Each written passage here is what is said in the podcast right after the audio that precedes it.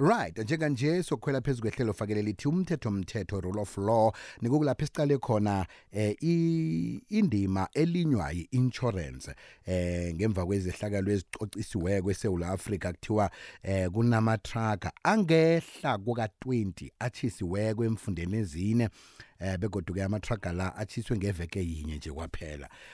Nangathi ubuyele emvanyana uyoqala imali ngeniso esiyenza ke eSouth Africa pha ah ubona ukuthi iSouth Africa yenza imali khulu ngezenjiwa ezikhona khuluma ke ngegolide idimani imalahle njalo njalo.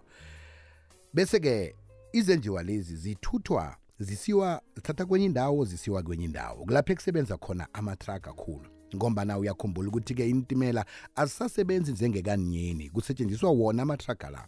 Manje ke ngilokho eku okwenza ukuthi nomuntu onzima namtjana am- abahlali beSouth Africa babone ukuthi eh, ukuthi umuntu azithengele ilori ekule khona ukuthi ithuthe lokhu okwenziwako ithuthe lokho okuthuthwa eh, endaweni thize kusiwe kenye indawo kungakhona ukuthi kumvuse begodu akuvusi yena nje kwaphela kuvusa nomnotho.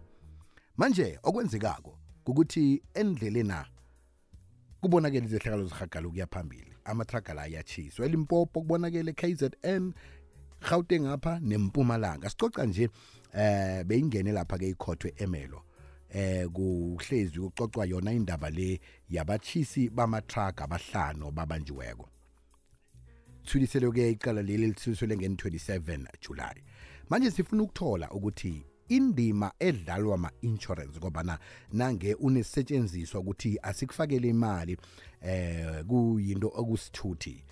Khulukhulu uyayifaka ku-insurance. Sifuna ukuthola ukuthi insurance isebenza njani nakufika ezehlakalweni ezifana nalezi. Sikhambisana uh, nosisazi somthetho ligqwetha ubaba upete wakwamahlangu. Mlungu walotshani thokozela iziwe um silothisa nabalaleli emakhaya ithekeli zonke nabazethu bonke. Sithokoza kakhulu kwamambala ukuthi sithole ithuba lokuthi sicocisane nawe. Kuzosihlahlula indima elinywa eh i-insurance ezehlakalweni ezifana nalezi.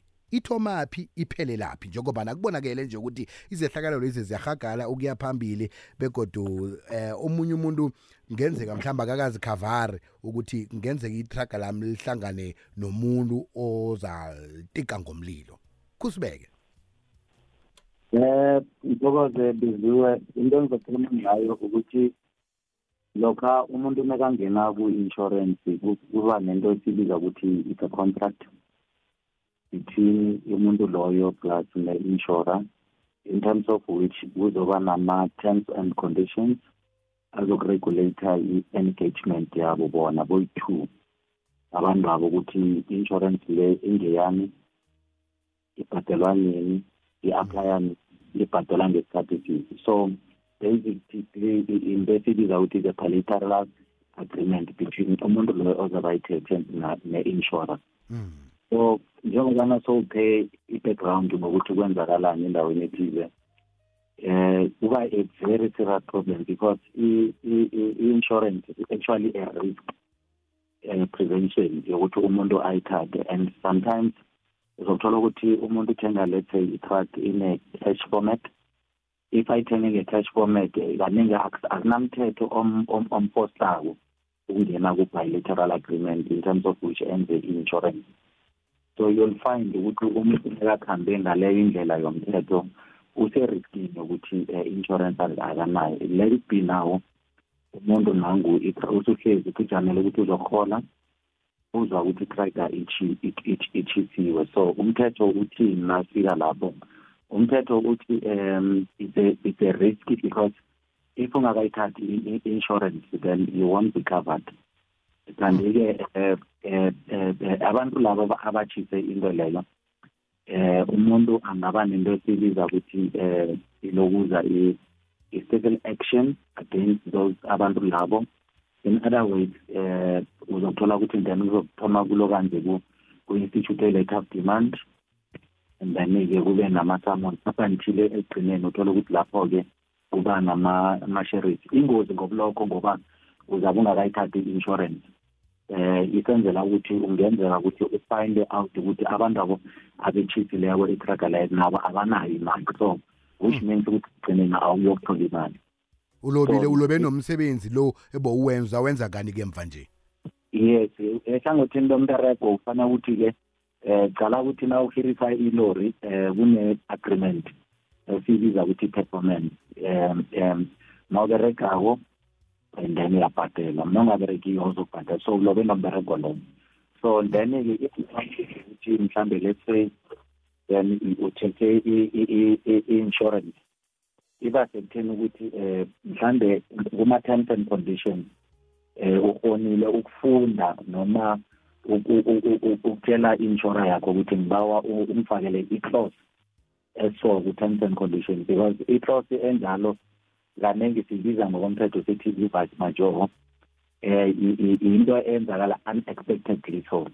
So ama-insurer kaningi they, they tend to ukuthi bazi-protect themselves because ama-insurance now they, it's business yes but they banento abayibiza ukuthi business protection yokuthi eh bangeke bafuna ukuthi on the terms and conditions zabo uthole ukuthi bayibhadile indlela e-unforeseen. Hmm. Because no one would have foresaw ukuthi into enjengaleyo iyenzakala so kaningi nawunomuntu oku-advayisako ngama-legal terms kungqono ngokuza ukuthi na usayinela i-contract leyo bese wazi ukuthi nomane it-enforce ukuthi i-clause le sibiza ukuthi i-vice major or unforeseen circumstances is also covered ku-agreement leyo izobe nayo. So if awunayo i- i- i-legal advice ungekenzeka ukuthi uthole ukuthi into leyo ayibi khona ayibi included ku- ku-terms and conditions. So inkinga eba khona futhi ukuthi eh kufanele nawe wenze i-civil action against abantu labo ongabaziko ongazi ukuthi bangakuphi. Efanele uthumela ama-letters of demand uthumela ama-summons uwenze litigation uqhubeke kube ne-default judgment. Or abantu labo ba-oppose nabo through their legal advice of some sort ukuthi ngabe benzile uthole ukuthi uthatha five years maybe ukuqeda into leyo ukuthi sakho kube i-problem yokuthi uba nama-legal cost athize ebekade uthole ukuthi ungawavota so i- isehlakalo esinjalo nasenzakalako si-attracta two legs kune-criminal action ne- ne-civil action. Kaningi umbuso na ugijimisa into enjengaleyo abathi ba-protecta wena ba- benza i-criminal prosecution. Because bafuna ukulela into esibiza ukuthi mhleze mhlambe depending ukuthi bayenze njani umlilo lo wakamba wachipa nendawo maybe angatshatshiwa mhlambe futhi nge-arson arson or mhlambe ba- batshatshiwe nge- nge- ngento esibiza ukuthi malicious damage to Damage, property. so yoku-criminal action on its own. But insurance is a bilateral agreement engena between abantu abayi-two le uthole ukuthi kuyokuchekiwa ukuthi u-covered or awusi-covered so kunama-types of insurance abantu mhlawumbe kufanele baqaphele khulu. Ile sibiza ukuthi le involve umlilo le sibiza ukuthi it's an own- own damage insurance. Nalenze iqale i- umlilo eh, ongenzakala through unforeseen events or i-theft then kube ne-third party liability insurance. Le khoseka ethole ukuthi eh wena bonganamlando njengodriver into leyo mara kwenzakele ukuthi ibe njalo. Bese kunenye esibiza ukuthi i-good in transit insurance. Eh leyo-ke i-check-a ama-damage la yenzekako ikoloyi mayikhambayo bese kuba nezinye abazibiza ukuthi masasria leyo iba applicable entweni ezifana ukuthi mariot na-strike na-terrorism civil commotion and public disorder. Manje nawenzileko ama-insurance la ngikhuluma ngawo akakhambi ne-insurance leyo yocontract ozabe uyenzile nawu-insurance awodwa specified eh eh, insurance lefanele uyithathe okuhambisana nayo bese icover up interest.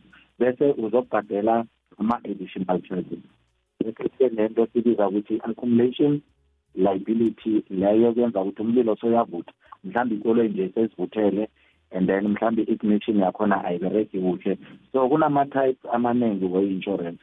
La abantu aba-advayisiwa kwako especially nakuba ne-business eserious mhlawumbe njenobana ufuna ukwenza njenge-business yamalahle iyaphitha ngoba yes i-on public yenzakala ukuthi affecta umphakathi mara nasiyilandelisa kuhle into leyo kuyi-contract yakho ne-insurance and leyo regulator ama-terms and condition kwangangokuthi if zange ulambele ama-terms and condition lawo kuba i-problem ukuthi um urecover and uh, sometimes zibe into ebabuhlungu khulu uthola ukuthi i-club lena ufuna ukuyizurisa abanye abanani i-cash they will go to bank and make i-bond um in terms of which kuzoba ne-contract specific contract lefanele babhadele i-bond back so ku-bond nakhona kuba nama-clause athize abazi-protecta ngawo abantu be-bank in terms of which but nangenzakala ukuthi um into leyo uyithatheleyo imali kuba nama-unforeseen circumstances thina there's no session into ebakhona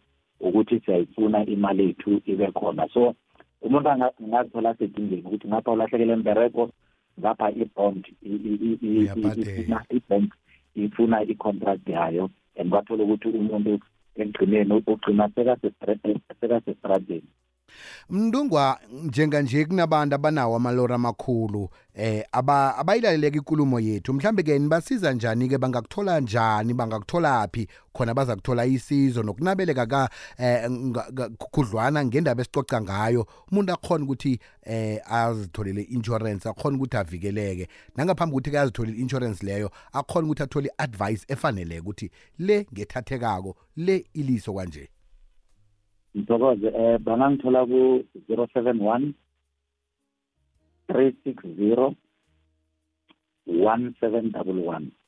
zero seven one three six zero one seven double one. Namkha i-email j for joseph p for peter s for sugar m for mahlangu five seven at yahoo dot com.